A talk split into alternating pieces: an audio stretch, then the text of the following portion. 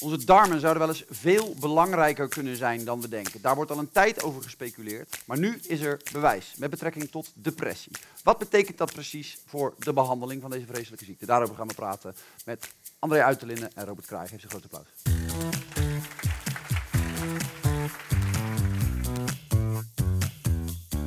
We gaan het hebben over de darmen. Die staan de afgelopen jaren nogal in de schijnwerpers. Hè? Wij zijn onze darmen, heet het ondertussen bijna. Ja, het is, eh, het is een behoorlijke hype ondertussen. En eh, wij zijn er heel blij mee. Wij kunnen daar mooi op mee uh, liften natuurlijk. Maar Want hoe lift je daarop mee? De, de, de, de, de, poep wordt met kilo's tegelijk naar binnen gebracht bij jullie. De, Eh, het geld eh, eveneens. dat laatste nog niet. Eh, oh, een beetje, Ja. maar dat mag best meer zijn natuurlijk. Eh, maar verzamelen van poep, dat doen wij heel goed. Ja. Dat, dat gaat echt in duizenden. Ja, daar gaan, we, daar gaan we het eventjes over hebben. We gaan het hebben over het belang van het microbioom. Zo heet dat dan, de darmflora. Is dat eigenlijk hetzelfde, André? Niet helemaal. Flora, dat associëren we met planten. Eh, Robert verleek met een bosje bloemen. Dat is het niet. Het microbioom is het geheel aan eh, kleine organismen, micro-organismen, die in en op ons lichaam eh, leven. Ja. En daar maken we alle twee vruchtbaar gebruik van. Dus we zijn vrienden van elkaar. Ja. Van de meeste althans. Hè. We wat bedoel je? We, maken we gebruik, als mens maken we daar. Als mens, we hebben, ze zijn nuttig voor ons, zeg maar. Voor Ja. ons bestaan en hoe wij functioneren. Ja. We gaan het hebben over een aantal bacteriën die niet nuttig zijn voor ons bestaan en functioneren. Tenminste, ze hebben wat neveneffecten die onplezierig kunnen zijn, Ja. is de veronderstelling. Eh, jullie hebben ontdekt dat er twaalf bacteriestammen zijn. Die 14. En 14, excuses. Nou kijk, daar gaan we gelijk. Eh, dit zal niet de eerste keer zijn dat ik gecorrigeerd word, denk ik, hè Robert. Eh 14 bacteriestammen die verband houden met eh, depressieve gevoelens. Ja. Ehm, wat is dat voor ontdekking? Nou, hij is, hij is in een mooi tijdschrift, wetenschappelijk tijdschrift terechtgekomen, omdat we een grote studie hebben uitgevoerd. Eh, dat is één belangrijk ding, dat die zeg maar heel kundig is uitgevoerd, mag ik wel zeggen, in, samen met de collega's in Rotterdam en in Amsterdam. Mhm. En dat is een ander belangrijk aspect, dat we de, dingen die wij gevonden hebben in Rotterdam, dat we daarvoor replicatie hebben eh, verzocht aan de collega's in Amsterdam. Ja. En dat is iets wat in de wetenschap niet zoveel gebeurt. Je vraagt eigenlijk, klopt dit wel? Kunnen Klopt jullie dit het wel? nadoen? Ja, en eh, doe het in een hele onafhankelijke setting, eens na wat wij eh, gedaan hebben. En als daar ongeveer hetzelfde uitkomt, dan weet je, dit is waar. Ja. En dat is iets wat in de wetenschap eigenlijk veel te weinig gebeurt nog. Het gaat over eh 1054 deelnemers aan het Rotterdamse Ergo-onderzoek in de Ja. wijk Ommoord. Eh 3211 deelnemers van de Helios-studie in Amsterdam. Hoeveel kilo poep is dat, Robert? Nou, we verzamelen geen hele drollen. Nee. Maar, eh, het zijn schepjes. Dus eh, Godzijdank voor de studentassistenten die hiermee bezig zijn, ja? ja, nou, zeg een gram per deelnemer. Dus dan is het eh, rond de 4 kilo ongeveer toch? Ja, Ja. Eh, dat is een beetje een flauwe vraag, maar het is toch interessant. Hoe, hoe gaat dit? Hoe werkt dit onderzoek? Hoe krijgen jullie dat binnen? Eh, meestal mensen verzamelen zelf eh, Mhm. thuis. Eh, eh, daar- daar geven wij wat opvangmateriaal voor. Kunnen ze met een schepje kunnen ze het in een buisje doen. We hebben een plaatje. Thuis invriezen. Ik kan het plaatje niet goed zien. Oh ja, dit is het opvangbakje inderdaad. Eh, en van daaruit kan het inderdaad in een buisje en eh, kan het eh, thuis ingevroren worden. Daar hebben wij een mooi apparaatje voor dat je het niet ziet als je een boterham uit de vriezer haalt. En ja, als je dan een keer naar het centrum komt, dan neem je het mee. En dan zorgt het pakketje ervoor dat het bevroren blijft. En dan krijgen wij het bevroren daar. Ja. Ja, en de rest van het, eh, ik kan de rest is natuurlijk, eh, dan gaan we naar het lab, zeg maar. Dus eh, in principe maken we de boel kapot. We halen het DNA eruit. Dus we groeien geen levende beestjes, maar we kijken puur naar het DNA. En op basis van het DNA doen we, zeg maar, maken we een profiel. Dus we kijken van, wat heeft die persoon nou voor bacteriën? En dat, dan heb je het echt over het in kaart brengen van 750 tot 1000 bacteriën in één keer. Ja. En dan gewoon in aantallen noem je dat. Wat mij zo verbaasde, want ik ben bij jullie geweest en jij hebt me even rondgeleid in het lab waar jullie dit doen. Ik dacht DNA-onderzoek, dat is eh, ontzettend complex. Nou, dat kan nog steeds zo zijn, maar de apparaten waarmee dat gebeurde, viel heel erg mee. Formaatje magnetron, Ja. een beetje. Ehm, is het een ingewikkelde en kostbare aangelegenheid? Eh, de, de ontwikkeling van de laatste jaren is dat het minder ingewikkeld is en minder kostbaar, maar Ja. nog steeds wel ingewikkeld en kostbaar. Eh, dus het, eh, maar, maar het wordt steeds makkelijker gemaakt en vooral in grote aantallen. En ook te financieren in grote aantallen. Jullie zijn op zoek gegaan naar het eh, verband tussen enkele van die, wat waren het, 750 bacteriestammen en depressieve gevoelens. Mm. Ehm, daar komt dan op een gegeven moment uit dat er een verband is. Wat betekent dat, André? Nou, je ziet een verband, hè, dus eh, we noemen dat een zogenaamde cross-sectionele associatie in eh, Ja. dure termen. Maar dat wil zeggen dat je op hetzelfde moment die mensen die in die studie zaten gevraagd hebben, heeft u depressieve gevoelens? En we hebben dat microbioom gemeten. Dus je kijkt naar een samenhang die op dat moment bestaat. Uh, dat is op zich belangwekkend, want je kan daaruit een clue halen voor vervolgonderzoek, maar je weet niet wat oorzaak en gevolg is. En dat is een nadeel van het onderzoek en vandaar dat er ook vervolgonderzoek nodig is om dat nou vast te stellen. We hebben in diezelfde publicatie wel wat trucjes uitgehaald om te kijken van zit er toch niet in een aanwijzing in dat het wel eens kausaal zou kunnen zijn. En daar lijkt het inderdaad wel op. Dat hebben we voor een aantal van die bacteriën hebben daar wel aanwijzingen voor, Mhm. maar nog niet voor allemaal.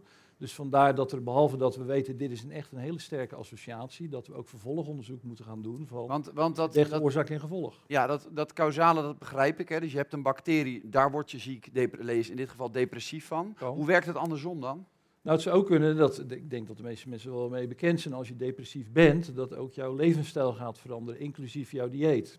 In plaats van het fantastisch verantwoorde dieet wat we net gezien hebben met vruchten, vers fruit, et cetera, Ja. wordt dat vooral de McDonald's of hier de Bramladage en eh eh, patatje oorlog, zeg maar. Ja. Dat, en dat dieet dat zal dus ook gevolg hebben voor jouw darmflora, voor het microbioom daarin.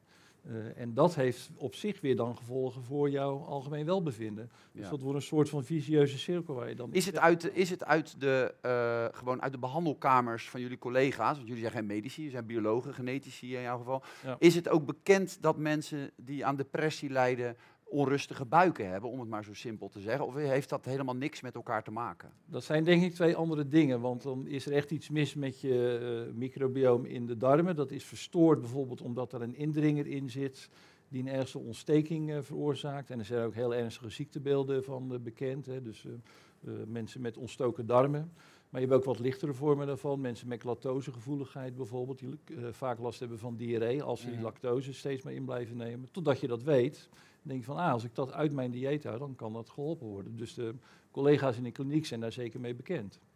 Robert, laten we eens even vooruitkijken, want eh, tot op zekere hoogte is het wat speculatie nog over ehm, die, die causale relaties dan van die 14 stammen. Maar stel dat dat er in vervolgonderzoek uitkomt, dat je weet, deze bacterie met, noem eens een naam van zo'n Eh Celimonas. Ja, nou, eh, die, die leidt tot depressieve gevoelens. Ehm, wat, wat kun je dan doen? Eh, het is er meestal niet één, het is dan meestal een combinatie van. Ja. Sommigen gaan omhoog, sommigen gaan omlaag. Eh, de, de ingrepen die je kan doen is voedingsverandering. Maar er zijn ook dingen als antibiotica, prebiotica en probiotica. En dat laatste is een beetje dat je echt levende bacteriën gaat toedienen aan iemand door een transplantatie. Zo doen ze het nu nog, maar in de, ja, nu al en in de toekomst eh, zal het waarschijnlijk een pil worden waarin een aantal bacteriën zitten die je op lange termijn kan slikken en die van lieverlee jouw samenstelling zal veranderen. Dat is een pil die bevat dan gezonde of andersoortige bacteriën. En Ja. daarmee die gaat, die gaat de maag voorbij, hè, geloof ik. Daar is Ja. die om dat, Mhm. dat, dat, dat zuur van die maag voorbij te gaan. En dan, dan verandert die, darmflora mag ik niet meer zeggen, het microbioom Het al daar. microbiome, ja, zo kan je het een beetje sturen in de kant waar het eh, wat gunstiger is dan. eh. Jij zei ook even transplantatie. Ja, dat is een beetje hoe het nu nog eh, gebeurt. En dat, dat is meestal om, om echt de ziekteverwekkers weg te werken. Zo, en dat, dat is dan de transplantatie dat je gezonde poep van iemand krijgt via je neus een slangetje naar je darmen. Ja, Eh, en hier dan- krijgen we allemaal vreselijke zin in als we dat horen. Dit Mm, gebeurt eh, echt. ja, Uh, maar je- dadelijk aan de bar gaan. Ja. Ja, oh, ja. Goed. Maar als je goed ziek bent, dan Onder uw stoel vindt u allemaal. Nee. Maar, maar wat betekent, André, hoe gaat dit serieus? Zonder, gaat je mond in, slangetje en dan krijg je poep van iemand anders. Er zijn eh, dit soort behandelingen al voor beschikbaar, maar alleen in ernstige gevallen mensen die bijna geen andere optie meer hebben dan zo'n behandeling met eh, zeg maar, opgewerkte poep. Opgewerkt nog wel dan. poep, Ja. eh, de meeste troep is eruit zeg maar en die bacteriën zijn wat opgezuiverd eh, daarin. Zo ernstig is het allemaal niet. Maar het wordt echt alleen maar voor ernstige aandoeningen eh, gebruikt. En ook die pillen waar we het net over hadden, er zijn nu inderdaad pillen beschikbaar gesteld in Amerika voor die ontstoken darmaandoening. Dus voor een hele specifieke ernstige aandoening zijn er al wat behandelingen voor. Ik denk dat het ook wel raakt aan waarom dit zo'n hype is. Want eh, het microbioom dat zit in ons, hè, dat is een natuurlijk onderdeel van onszelf. Dus als we daar een beetje aan kunnen fine-tunen door dat te veranderen met zo'n pil, kunnen we zeg maar eh, eh, ziektes gaan voorkomen. En Mhm. eh, die microbiompillen die zijn redelijk makkelijk om te maken. Hè, in tegenstelling tot bijvoorbeeld echte pillen die chemisch gesynthetiseerd worden. Ja. Want dat is echt vreemd materiaal voor ons lichaam. Dus dat wordt onderworpen aan allerlei trials en tests om te kijken, is dit echt veilig? Heeft het geen allerlei gekke bijwerkingen? Want dat moeten we echt allemaal goed in kaart brengen voordat zo'n pil op de markt gebracht wordt. En dat kennen we allemaal, het werd er net al even aangestipt. De kosten van medicatie, die, die gieren echt de pan uit.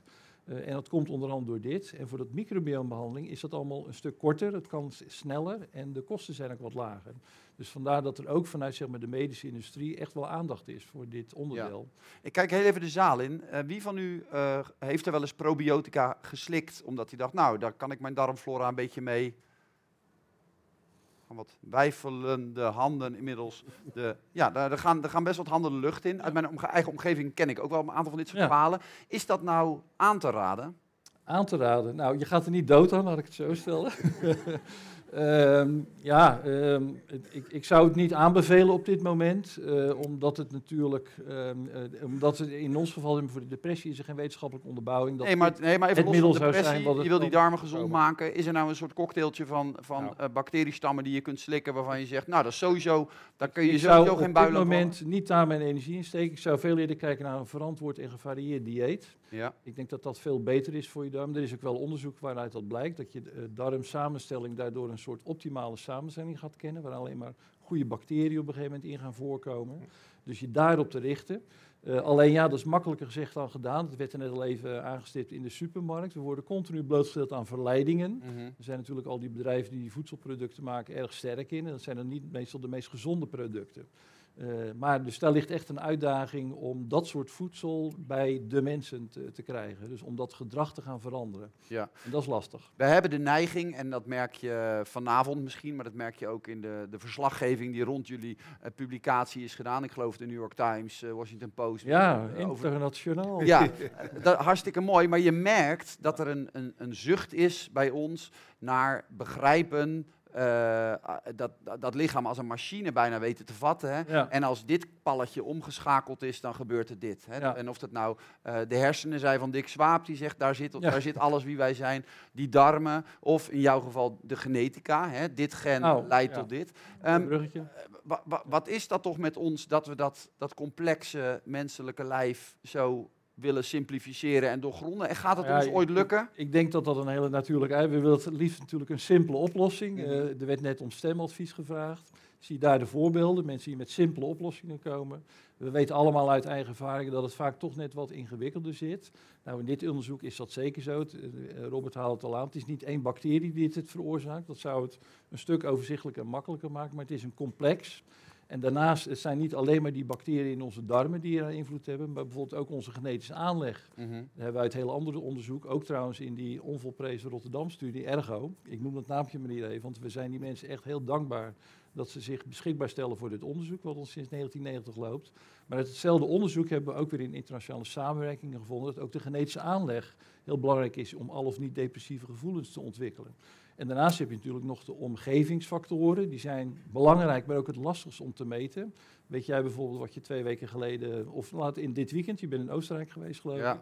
Wat heb jij zaterdagavond gegeten? Eh, pizza, pasta of patat was het. Nou. Om het kinderen voor kinderen liedje er even bij te halen. Ja. Kijk, nou dat is een mooi voorbeeld, want je weet het dus niet precies. Alleen dit is wel de manier waarop wij gegevens verzamelen over wat voor eten mensen tot zich nemen. Terwijl we nu een DNA-analyse kunnen we in 24 uur doen. We kunnen alle 3 miljard letters eh, keurig in kaart brengen. Dus vandaar dat er heel veel aandacht is voor dit soort DNA-onderzoek, omdat we dat snel, goed en goedkoop kunnen doen. Maar het is niet de enige oorzaak Mm. daarvan. Er zijn veel meer oorzaken, maar die zijn veel lastiger in kaart te brengen. Ik heb nog twee vragen, Robert. Dan kom ik bij jou. Ehm, is een verse drol beter dan een ingevroren drol? Als die vers ingevroren is, maakt het niet uit. Als- Het zijn net groenten. En hebben Amsterdammers andere poep dan Rotterdammers? Eh, daar hebben we niet naar gekeken, maar Dat dat, is een belangrijk onderwerp, vind ik. Ja, toch? dat zal best. Maar we willen met die mensen samenwerken, dus we gaan het niet op de spits drijven daar. Goed. Ik vond het ontzettend leuk dat jullie hier waren. Robert Kraai en André Uiterlinde. Geef ze een grote Dank je wel.